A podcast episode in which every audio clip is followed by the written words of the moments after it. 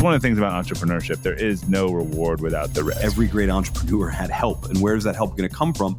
It's going to come from that social network. You don't have to be smarter than everybody else to make money doing asset allocation and save. I think there's a danger when you're in business to find arrogance, and especially if you're doing really well. At the end of the day, I ain't nothing special. I'm just a guy. What has value? Well, what has value is whatever people say has value. I'm going to get better and better and better at what I do as I get older. So the best me is going to be the me right before I die.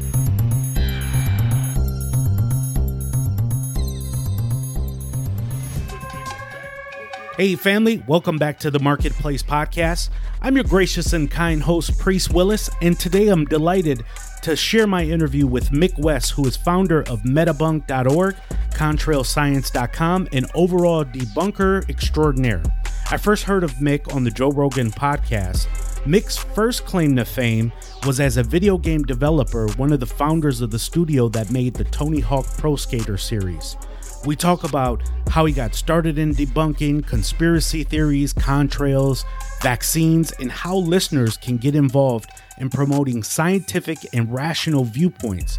The highlight is his book Escaping the Rabbit Hole, which is a manual of adopting West style of engagement. As he tells his own story in the book, even then he was interested in irrational ideas people spread around the office and online while he was working at the, the video game company that he was at. And eventually he cashed in on his stock and he decided to take his feeling and excitement of debunking to another level and more seriously. So without further ado, here is my man, Mick West. Hey Mick, welcome to the program. Hey Priest, great to be here. Yeah, excited to have you on. I I um I know we talked for a minute offline, but I you know, you're somebody that I've been looking for to finally find huh.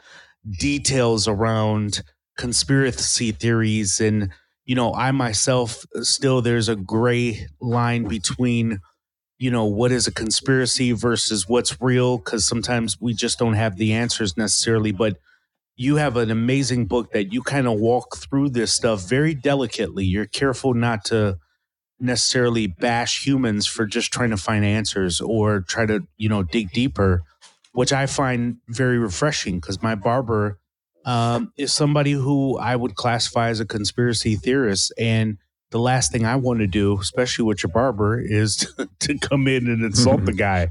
Um, so let let's start there. But uh, again, welcome to the program. But why don't you tell the audience a little bit about yourself? Cool. Yeah. Uh, well, I am a former video game programmer, which you might think is kind of a weird background for someone who is uh, now a debunker of conspiracy theories.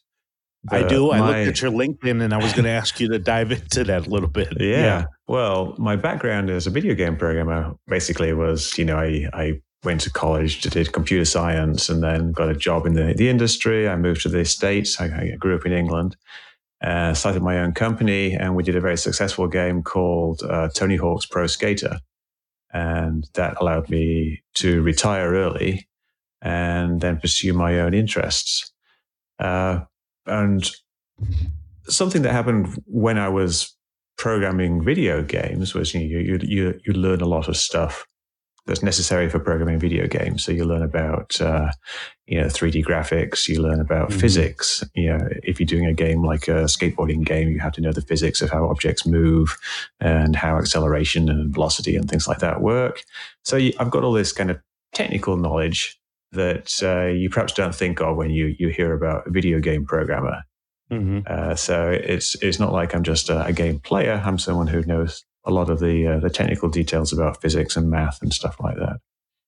So after I retired, I uh, you know was free to pursue my own interests. I did some writing. I worked for a game developer magazine, did some freelance game stuff. Uh, but I started getting into a couple of things. One of which was uh, learning to fly, uh, which is something I'd always wanted to do, and the other one was just you know writing and blogging and things like that. So I started uh, um, one of my first blogs I did was on the chemtrail conspiracy theory, which is the theory that the government is spraying uh, chemicals out of planes, which is what causes these long white spreading clouds behind planes. And because I'd been learning to fly, I'd also been learning a lot about the uh, the weather because it's you know a requirement to learn about the weather when you're becoming a pilot. Mm-hmm. And so I knew I knew that these were just uh, just contrails. They were clouds formed by the plane flying through the air and the exhaust from the engine. So I started my first blog, uh, Contrail Science, trying to explain this. The exhaust from the engine, meaning I grew up in, or I was born and raised in Milwaukee, Wisconsin, and during the winter, when you would go out, you would just get this puff of cloud with moisture and all of that kind of stuff. That's right. Yeah, you're talking about that in terms of the. oh yeah, the, exactly. It, it's essentially the, you know the exhaust from an engine. You think of like what what uh, a plane engine is burning. Mm-hmm. It's burning like some kind of uh, it's, it's burning kerosene essentially, which is a, a hydrocarbon. You know, all all petroleum based products are is a combination of hydrogen and carbon when you burn them, you get you know, the most famous thing you get when you burn fossil fuels is that you get carbon mm-hmm. dioxide. And we all know about that. But what people don't think about is where does the hydrogen go? When you burn the hydrogen, it combines with the oxygen and it makes H2O, hydrogen dioxide, yep. which is water. So when, whenever you burn some fuel, you're getting a lot of moisture you actually make more moisture than you have fuel because the, the oxygen in the air comes in. So, you know, you see it on the tailpipes of a car on a cold day.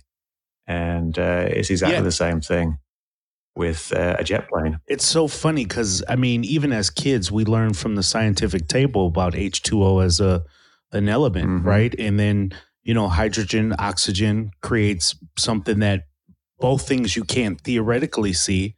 And then ideally, it creates something that you can see it, it seems very practical in a sense, but for somehow, you know, I, I, guess, you know, you talked about learning how to fly a plane, which is really interesting because I think this really comes down to the more we learn about how things work, the more it'll start to peel back the onion on how things mm-hmm. begin to happen. For example, like the chemtrails or contrails. Yeah, and I think a lot of these uh, conspiracy theories do come down to essentially a lack of information. Mm-hmm. Uh, now, there's some actually there's some dispute in the the skeptical community uh, about what they call the the information deficit model of conspiracy theories or pseudoscience, which you know some people say that you know it's, it's just a lack of information. Well, you know, essentially it is, but it's also more than that. It's a lack of information and it's a lack of communication.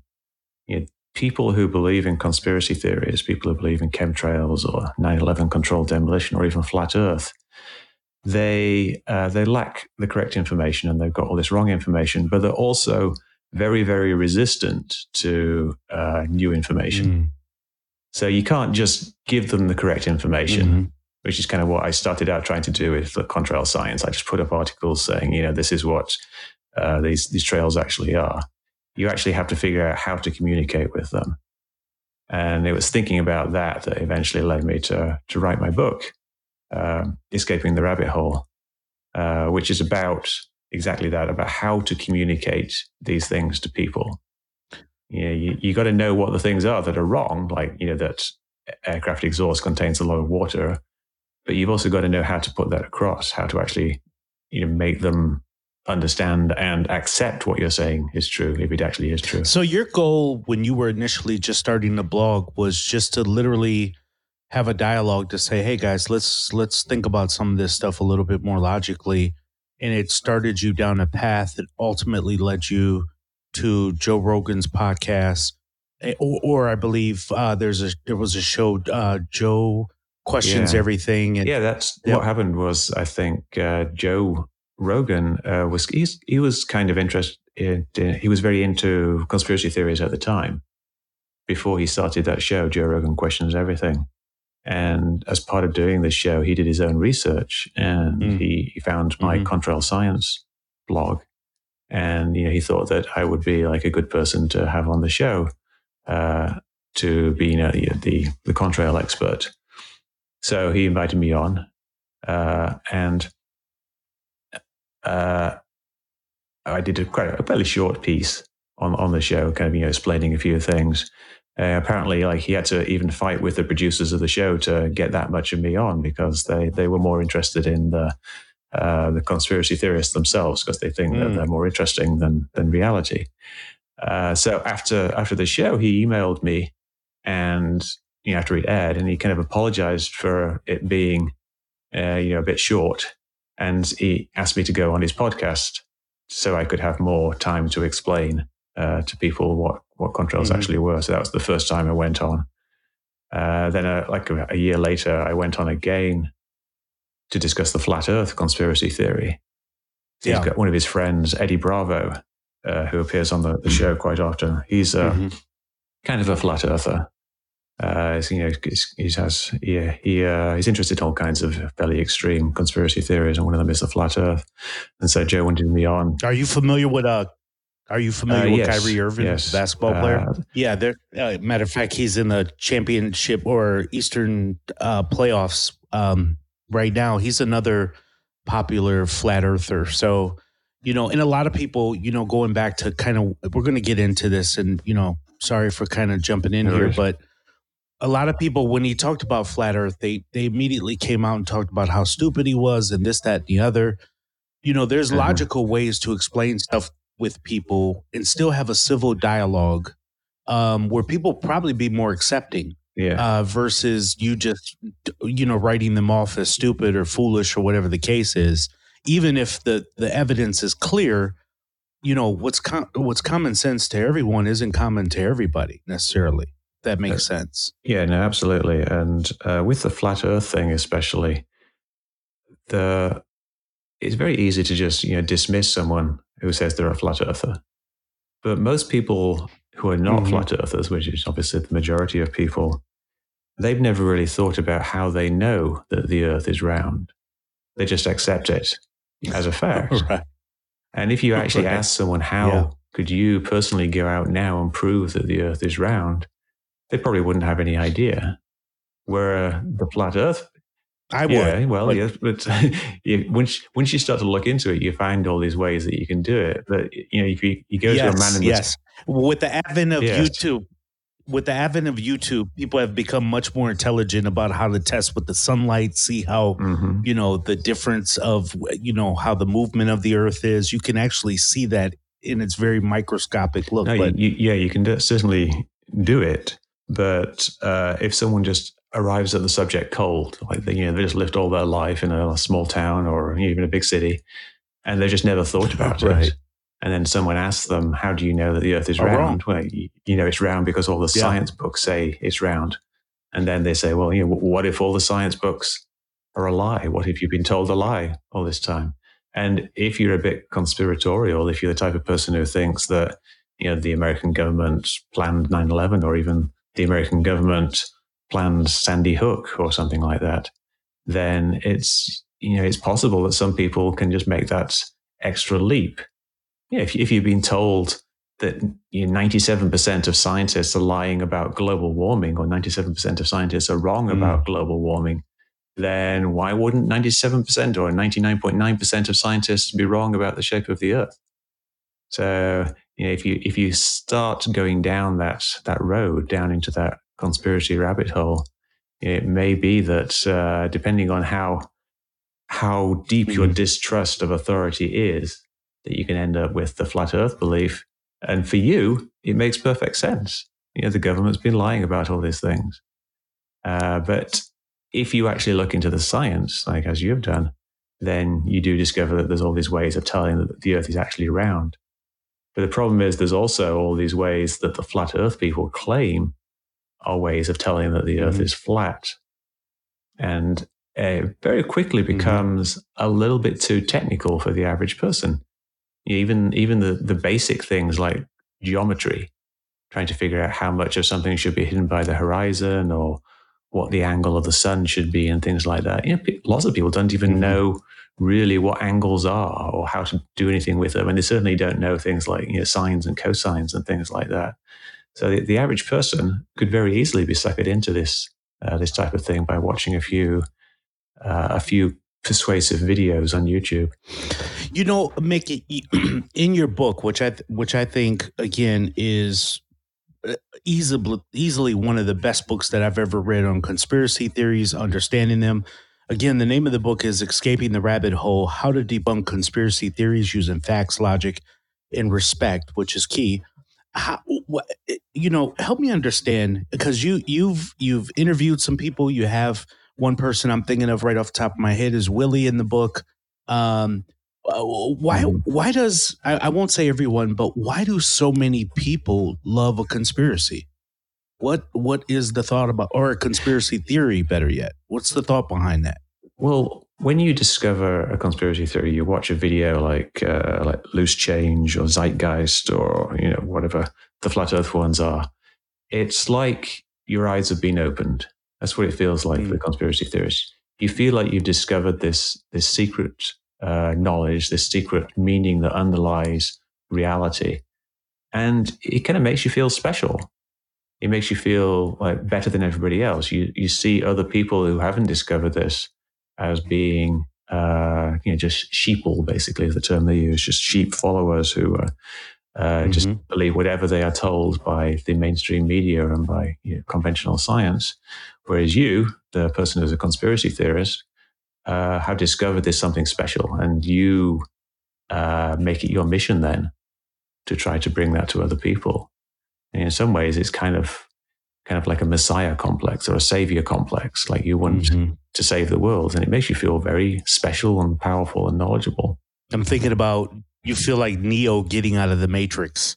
Exactly, exactly, and you know they all love that that film, and Yeah. a lot of the the terminology uh, comes from that.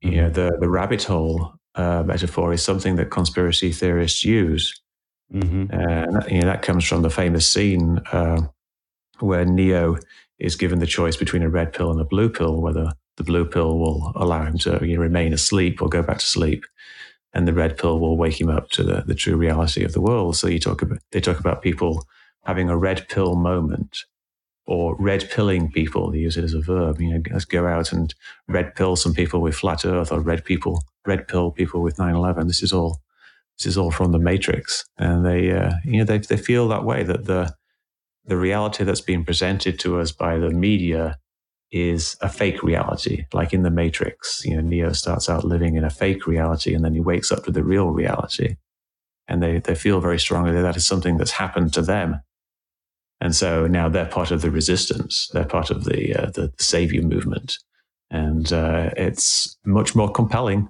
than just being one of the herd. Hey guys, many of you know that I've started my own business in many different ways. I've started several different side hustles, and frankly, there's no real way to duplicate myself other than outsourcing my business. And along the way, I've found trials and tribulations of meeting different people using different platforms like Upwork, Fiverr, all these different systems that entrepreneurs and other people like myself tend to use. And I wrote a book about it. It's called The Beginner's Guide to Outsourcing Your Business. Find, hire, and build your team virtually today. As an entrepreneur, you cannot handle every business process yourself. In business, results matter, and your goal to produce the best results matter. How do you do this? You need a team. Read this virtual outsourcing book. It's on Amazon. Click the link in today's show notes. It's only $2.99. So click the link in the book description. Let me know that you ordered it today. Love to hear your feedback about it. And if you're looking to build out your team and expand your brand, outsourcing is the answer. Pick up the book, The Beginner's Guide to Outsourcing Your Business today. Now back to the show. You know, one of the things that is popping up in the news today that's very real as a result of some of these conspiracy theories that we've heard over time is uh, measles outbreak and people getting vaccinated and you know parents deciding not to vaccinate their children because of you know their thoughts around autism and what it can do to children. Uh, these are when real conversations are needed in the community uh, because you know everyone is affected. One of the things that you talked about in your book which i thought you you had a very specific piece or, or particularly you know you you launched a podcast and you say it's the interview to have a podcast to talk to the people that are affected by conspiracy theory culture. And at first, I asked myself the question when he said people being affected by the conspiracy theory culture, how are people being affected? I mean, if there's one individual that believes in chemtrails versus contrails, okay, fine. But when you think about people being vaccinated, you could see how families, generations, whatever, are affected by the decisions you make today. How, how has that? How are you addressing even some of that, or are you about vaccinations and what it's doing to children and all that kind of stuff? Yeah. Well, the thing about the vaccinations is that there is so much information, so much correct information, so much correct science out there, and so much debunking of the, the false claims of the anti-vax movement already. You know, I can't really add to that. You know, I'd just be like, you know, drop in the ocean with what's already there. Mm-hmm. But uh, what I can do is address the conspiracy theories that are further along the conspiracy spectrum. You know, I've got this theory which I lay out in the book that everybody has this this spectrum of conspiracies, like where some are more extreme and some are less extreme. You know, and something like the anti-vax movement isn't a particularly extreme conspiracy theory if you compare it to something like chemtrails or, or the flat Earth conspiracy. Mm. So uh, the theory is that everybody has a line on that spectrum where they draw the line, the line of demarcation. And on one side of the line, they think that everything is complete nonsense. So they, they say, I draw the line at flat Earth, you know, I draw the line at chemtrails. So everything that's like chemtrails or more extreme is ridiculous. But everything that's on the other side of the line is just perfectly reasonable science to them. So they might draw the line with something like vaccines. However, a lot of the people who believe that vaccines uh, are harmful actually draw the line a bit further along the spectrum. They might draw it at, say, 9 11 was an inside job, or they might draw it Mm-hmm. at chemtrails. And you even see people who draw the line at uh, on the other side of the flat Earth. Mm-hmm. Some of the, some people don't really have a line at all; they just believe everything. so if someone believes that the Earth is flat, or if someone believes in chemtrails, then they're automatically going to believe that vaccines are harmful. Yeah. just because that's a, a less extreme conspiracy theory, and so you can't actually address that uh, that false belief in vaccines being harmful unless you address the things that are more extreme. So I think where I'm helping with vaccines is indirectly, I'm shifting people's line further towards reality so that they will eventually be able to actually uh, ask uh, and think about the questions of things like vaccines and global warming, you know, things that are actually real world issues that, that actually have some, uh, some significant impact on people's lives. That's good. So uh, I, yeah, I'm working on I'm working on my field of expertise, and uh, other people can do the vaccine thing, and I'll just work from one end, and other people work from the other. No, end. that's that's really smart. I mean, I you know, I I really like how you kind of broke that down and segmented that out versus you know, sort of isolating it, if you will.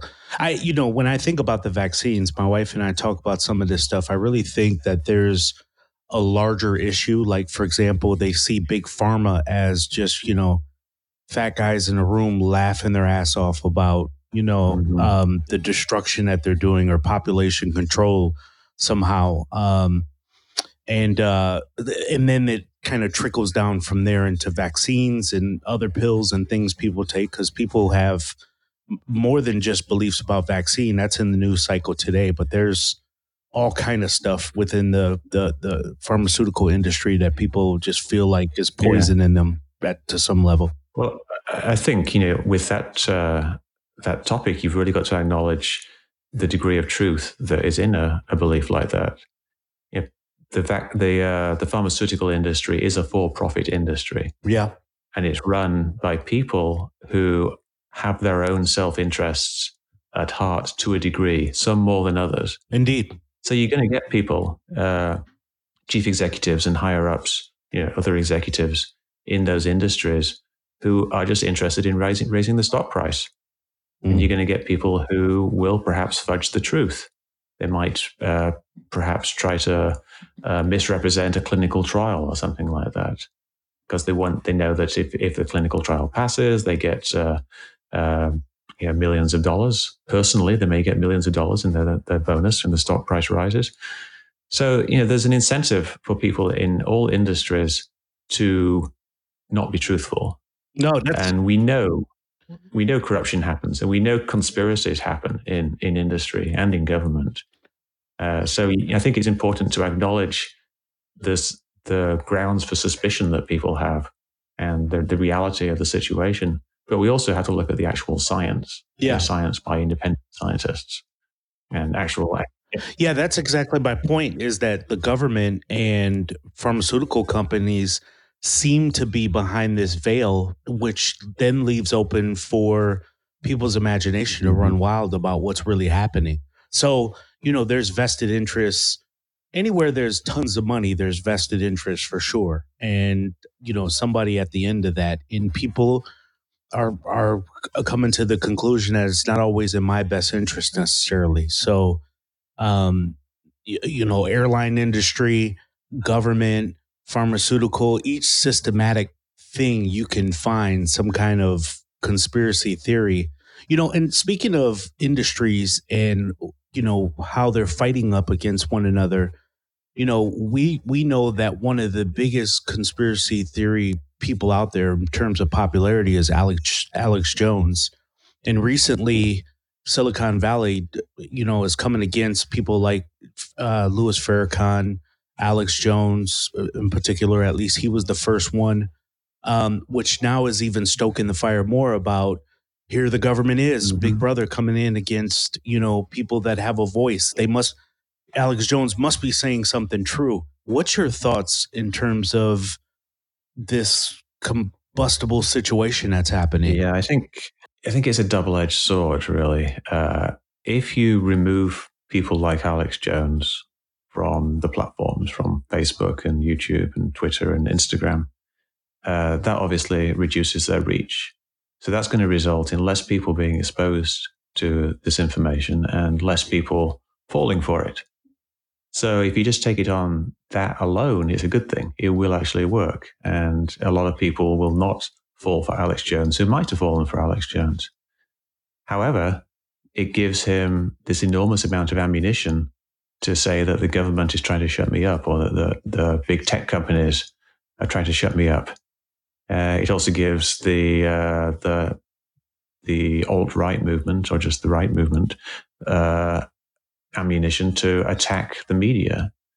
Uh, you, you see, if you I don't know if you follow Breitbart at all, but uh, yeah, it's very very I conservative, uh, far right, essentially, well, medium right uh, uh, outlet, and they talk a lot about what they call the masters of the universe, which is the the term that they've given us, yes, uh, sarcastically for like Zuckerberg uh, and um, Mm. you know Twitter and um, and YouTube, and they they they they paint the picture that Silicon Valley is acting uh, like like some kind of you know socialist overlord or something like that. So it, the the banning of people gives that idea a lot of a lot of momentum. Uh, so you've got to think, you know, if, if we did nothing, it would be a status quo. You know, if you do something like start banning people, then you're going to have a positive effect and you're going to have a negative effect because you'll get people emboldened by this. So the, ultimately, what it comes down to is will the positive outweigh the negative?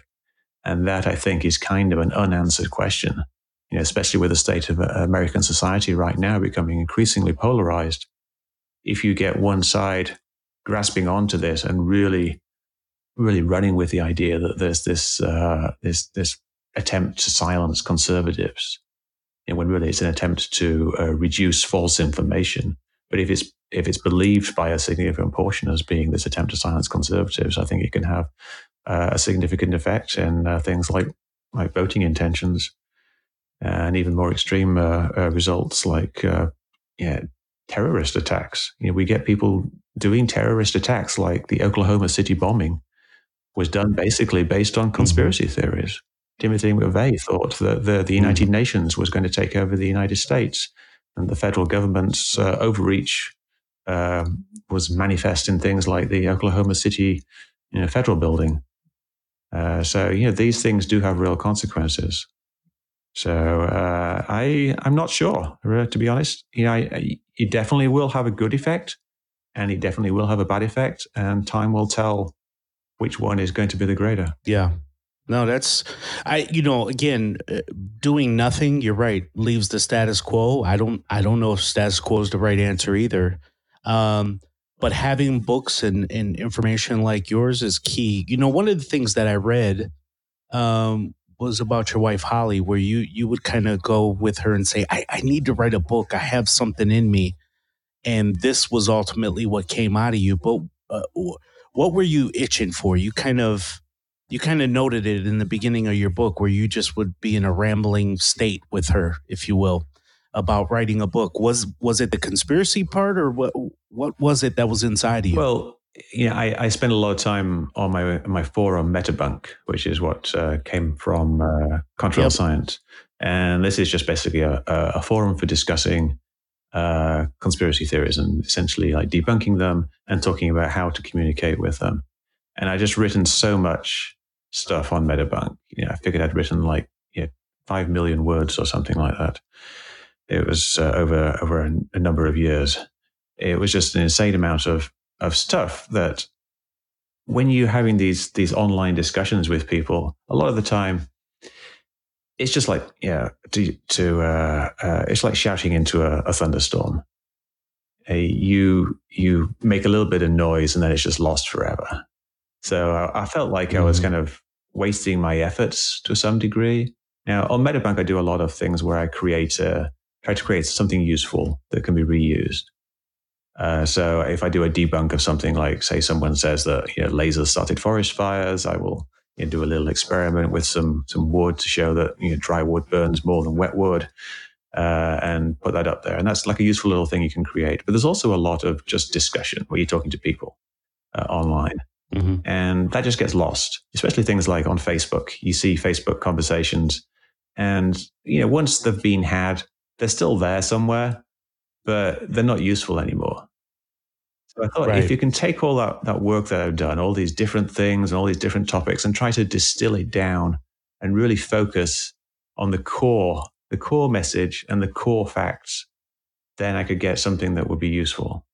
So, uh, you know, I decided to write a book uh, and I eventually got approached by a publisher after uh, my last appearance on Joe Rogan. They, they saw that you know uh, I could talk about these things, and so they asked if I was writing a book. I said yes, I am writing a book, and so they said, well, get on it then and, and write it. So uh, they gave me a contract, which means I had to write the book, and so that, right. gave me the the, uh, the, the motivation to actually go ahead and do it.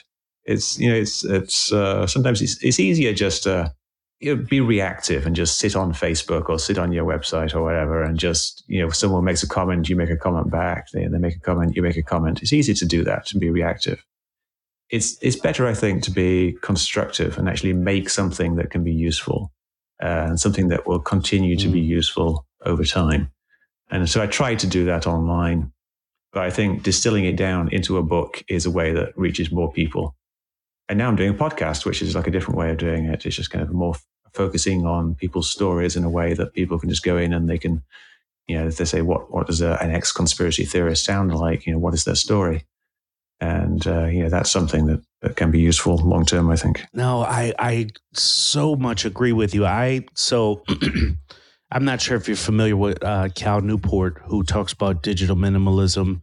He has another book called Deep Work where he just talks about sort of stepping back from social media because it is frankly becoming noise, right? And you know, you're you're really not being efficient with your message mm-hmm. if you even have a message. And it's part of the reason why I started a podcast was because I wanted to have conversations with people like yourself where I've read your book and I wanted to ask deeper questions like what made you think about that when you wrote this? Um, and then something that will be a little bit more sticky, right? So, whereas on Twitter, you have 160 characters or whatever, 140, whatever it is today. And then once it disappears after the reaction, it's gone. And everybody is salivating over this viral moment. But really, are you really trying to be impactful? And so, uh, you know, uh, Mick, how do you measure your impact of the book and the podcast? Like, I know you have some conversions of conspiracy theorists, but how are you measure? How do you walk away and say, "Yes, my message is received"? What what what are you doing with that? Yeah, that's that's a tricky thing because uh, it's it's difficult to measure because the conversions, as you say, like take a long time to happen. Yeah.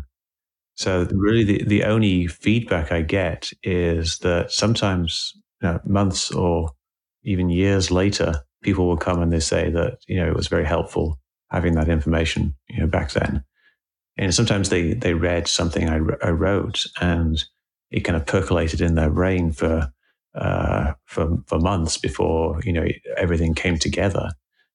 Uh, so the feedback I get is really just from individuals, mm-hmm. and I've had quite a lot of it. Quite a lot of individuals have actually said that you know things that I've written about or uh, discussions I had with them have been helpful, but it does take a long time. So it's very very difficult to measure, and because it, it's, it's not like there are eh, like surveys of the people who have read my work. Like if I could, you know, keep track of everybody who has uh, read my book and then see how it's changed over time, that would be great. But there's no way of doing that.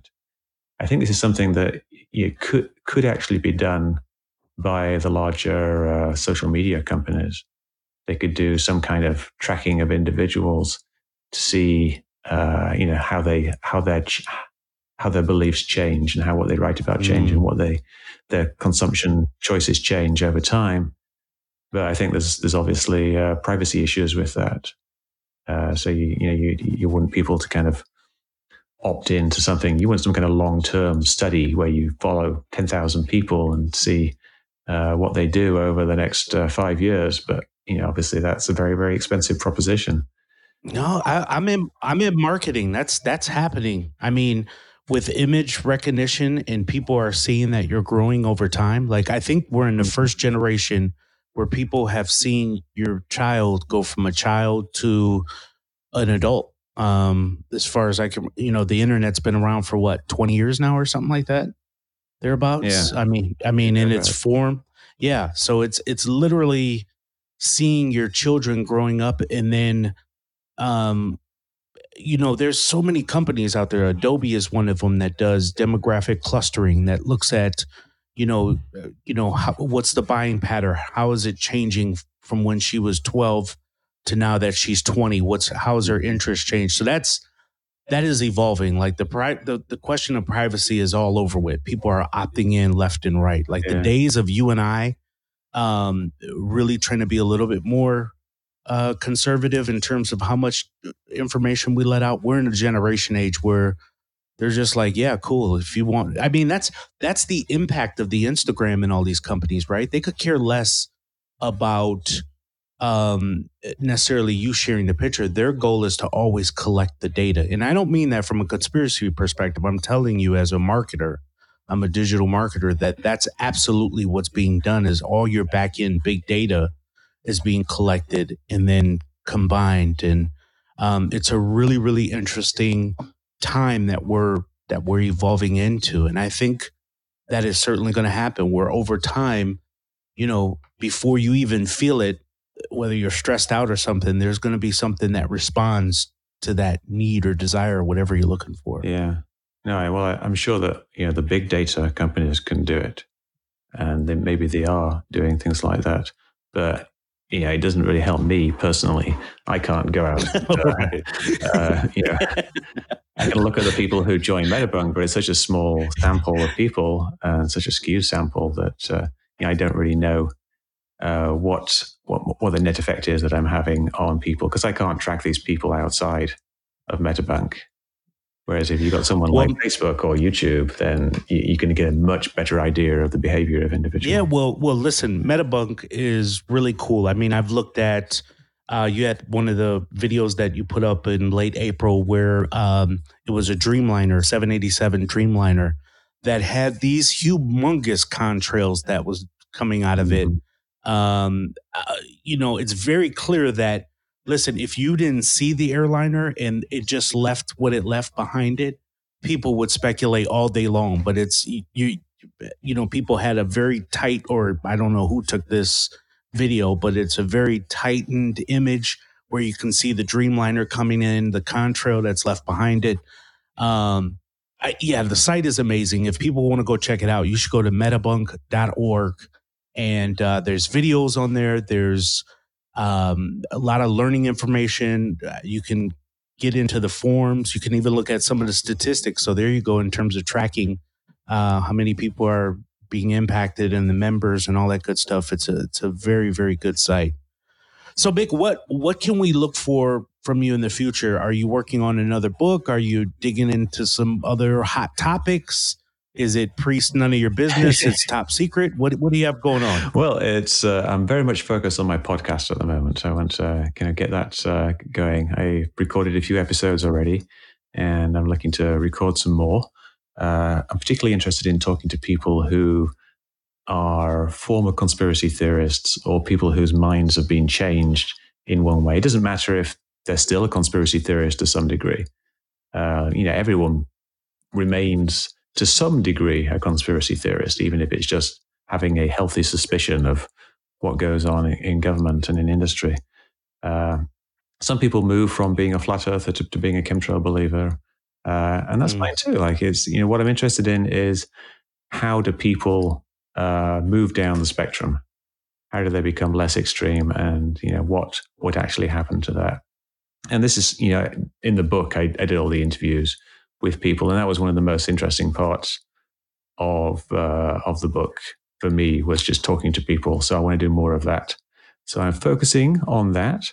Uh, I also want to do a, perhaps a little bit more on uh, current kind of political conspiracy theories, uh, like mm. QAnon, for example. Yes, QAnon. That's that. Woof. Yeah, that's a big one. Yeah, I haven't written that much about it. There's been uh, a few posts on Metabunk uh, where I looked into some of the claims uh, of QAnon. Uh, for example, there was one uh, where the believers in QAnon thought that Q, this supposed oracle from within uh, the government, yes, uh, had yeah. um, made Donald Trump say the words tippy top.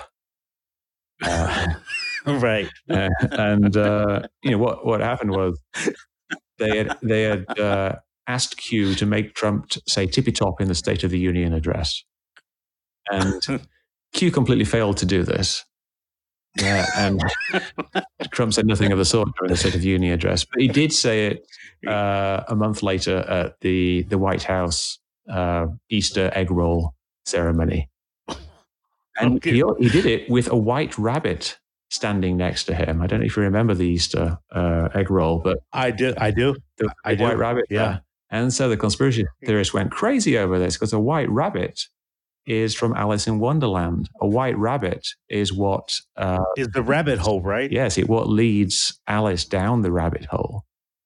so they were convinced. They were totally convinced that this was a, a, a huge like wave at Q, Q supporters uh, from Donald Trump. Oh, but the thing was, if you oh, look man. at Donald Trump's speaking history, he uses the phrase. Wait, I thought I thought Q was Donald Trump at oh, one that's, point. That's, that's one theory, but I think the prevailing theory okay. is that Q is a number of people.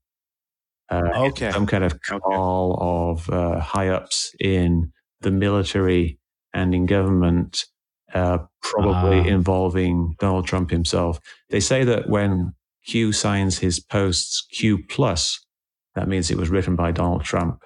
But you know, of course, Q really is just some guy on 8chan, uh, just you know, having a lot of fun and maybe making some money from marketing. Uh, but you know, that it's please, please, make for me, make for me. You have to do this this year, please. I, I, I will give you. I will donate. I will. I promise you, I will get the listeners. We will come together. We will start a GoFundMe. You tell me what you need and I will help contribute to this cause. I have to see about QAnon and this whole. I, have watched, um, you know, the Daily Show or some other guys that kind of yeah. they kind of make jokes about it and all that kind of interesting stuff, which is where I first heard about it at. Um, but I want to hear more. I, I swear I do, just so I can then see how it's debunked. Yeah. Well, please do it. One thing you can do before before I get weighed into it is uh, there are a few Q debunkers out there already. You know, one the second guest on my podcast was Mike Roths- Mike Rothschild. Uh, okay, who is an expert on uh, on QAnon, and he's written a lot. If you follow him on Twitter, uh, Mike Rothschild MD on Twitter, then he's okay. He's always tweeting about uh, Q and like you know how their predictions haven't panned out and what the Q supporters are doing.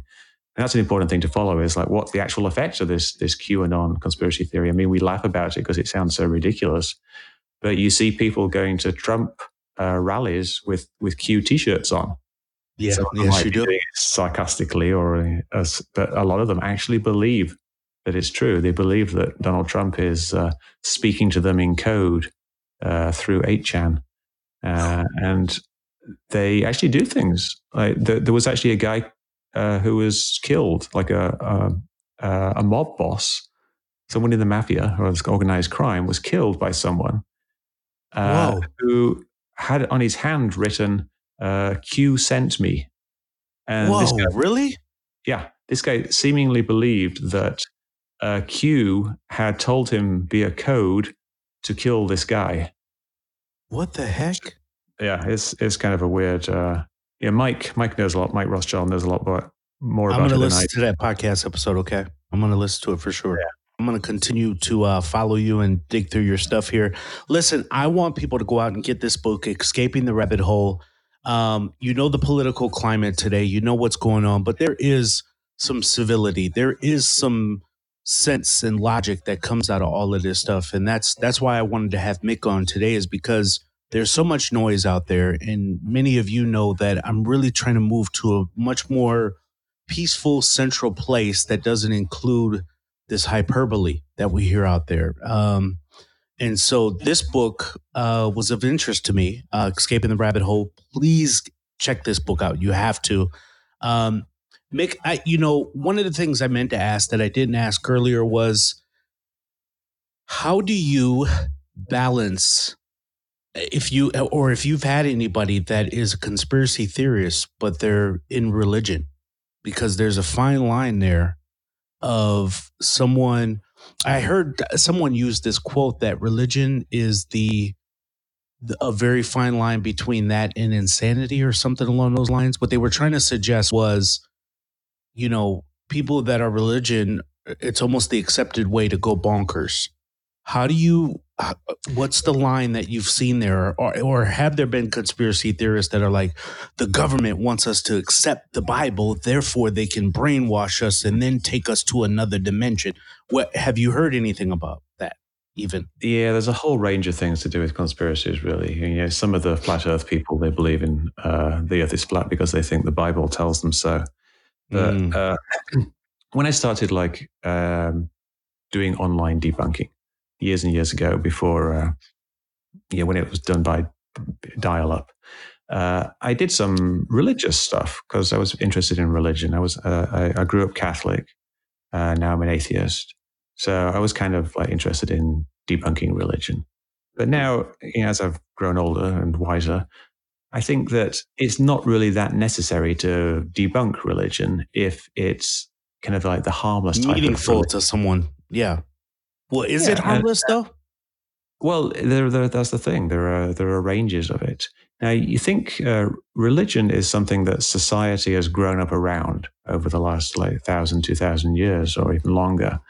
So it's something that's very tightly integrated into society, and something that we've we've managed to live with uh, up to this point, and will continue to live with. So if someone is religious, you know, they just go to church on Sundays or whatever, uh, then you know I don't really see that as something that really should be my first line of mm. attack. Mm. I don't sure. see why I should be attacking someone's uh, someone's religion. Agree. When it when it becomes a problem, though, is when you you get this uh, their religion affecting other people.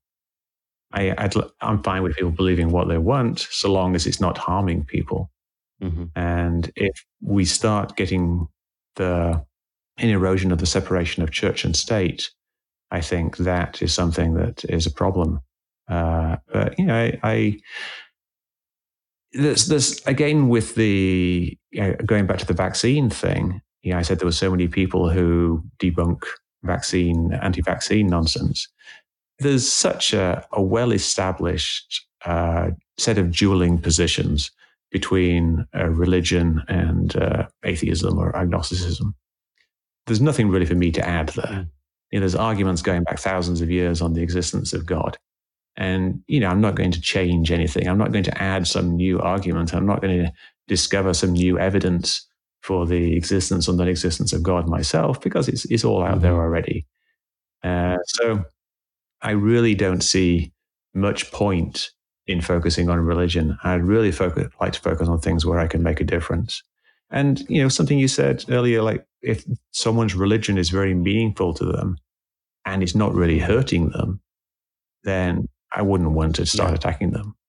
You know, look to things where you can do some good, where you can actually, if you are attacking a belief or if you're trying to explain why a belief is wrong, or you're trying to give them some correct beliefs, then do it where it will actually make some some positive impact and not just uh, you know make people Yeah, and the goal wasn't the goal wasn't necessarily to look for an attack, if you will. It's just to say that, hey, if we don't, you know, because sometimes you you come across people that say, if I don't know what happened before the Big Bang Theory, and science can't answer that yet, um, then I'm I'm gonna believe. I'm gonna be spiritual. Yeah, what what are you going to believe? you're going to believe if you don't know what happened before the Big Bang Theory. Why are you going to believe well, that's the point. That's the point. They're saying that, you know, I got one or two choices. If before the Big Bang Theory, either I can believe and maybe be right, yeah, or I cannot believe and maybe be wrong, or vice versa, however you want to say that. Yeah. And that's what I'm saying. Yeah, you know what? I can't argue with that. I, I can't yeah. I can't debate that because they're right. I don't know what happened before the Big Bang. I don't know if anybody scientifically. Uh, I'm waiting for Neil Tyson Right. or someone to, to give me that. But until they do, that person has a point to some degree, right? Yeah, sure, they do. That's That's a philosophical argument that has been Yes. had in the exact same form for probably at least a thousand years. yes, People have been in this argument: if we don't know, then it must be God. Yeah, this it's mentioned sometimes as the the God of the gaps. Mm, you know, we have gaps in our scientific knowledge. We don't know uh, what the connection between the uh, the weak nuclear forces and and gravity. Uh, so people say, "Well, that's just God. God made these forces. We don't know why there is. So there must be somebody who created Mm. it." You know, the, the the constants of the universe appear well suited for life to evolve.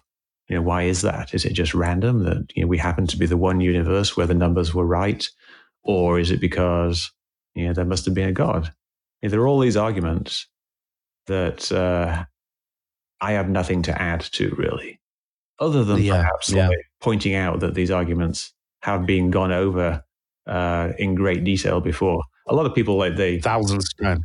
yeah, they think of these arguments and they think, oh, you know, this is a novel argument. I've never heard this before. But, you know, they, you, you can find entire books written on pretty much every single argument that people bring up, Yeah. both sides. Well, this is a great book, Mick. Uh, one of my my favorite books that I've gotten into this year. I've read about so far ten this year, and so far, digital minimalism and escaping the rabbit hole. Your book are top of list. So, um, again, people, you know, I'm not salesy on books on the show. This is one that you should check out if you're into that sort of thing.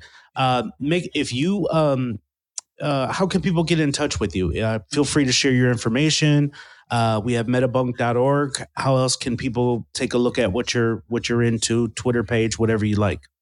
Yeah, the uh, Metabunk is uh, my, my forum. You can follow me on Twitter at Mick West, and I am on YouTube at Mick West, and that I post the the podcasts on on YouTube as well. Or if you want to email me, you can just call email me at mick at mickwest.com. I'm always happy to hear from people via email as well. Sounds good. Thank you, Mick, for being a part of the show. I really do appreciate you, man. Thank you. Thank you very much for uh, recommending the book. I'm glad you liked it. I did indeed. Hope you guys got something out of today's episode. I know that I did. I enjoyed talking about conspiracy theories from the standpoint of better understanding truth behind it versus just spilling out what feels to be hidden all the time from the government and everybody's against you. We need to be more rational about our thoughts and dig in and research, which is part of the reason why I have the podcast, right? I love talking to people and understanding other viewpoints, no matter what side it may be on politically or just a school of thought from religion and just knocking over some sacred cows in some cases. So, hopefully, you got something out of that. Hopefully, it was meaningful to you. Um, from the standpoint of I know that this is more of a focus on business podcast, but it's important that we kind of open up our scope. And it's a book that I was reading, so I thought I'd share. Guys, please leave feedback on iTunes, Stitcher Radio, Google Play, wherever you can hear a podcast. I'd love to see your feedback. I'd love for others to see your feedback that you're getting something out of these episodes feel free to reach to, out to me directly at priest p-r-i-e-s-t at insidethemarketplace.com you can also connect with me on twitter i'm at priest willis or p willis senior you'll find me out there and until next sunday when we have another great guest i'll talk to you soon I'm the best ever. My style is impetuous. My defense is impregnable. And I'm just ferocious.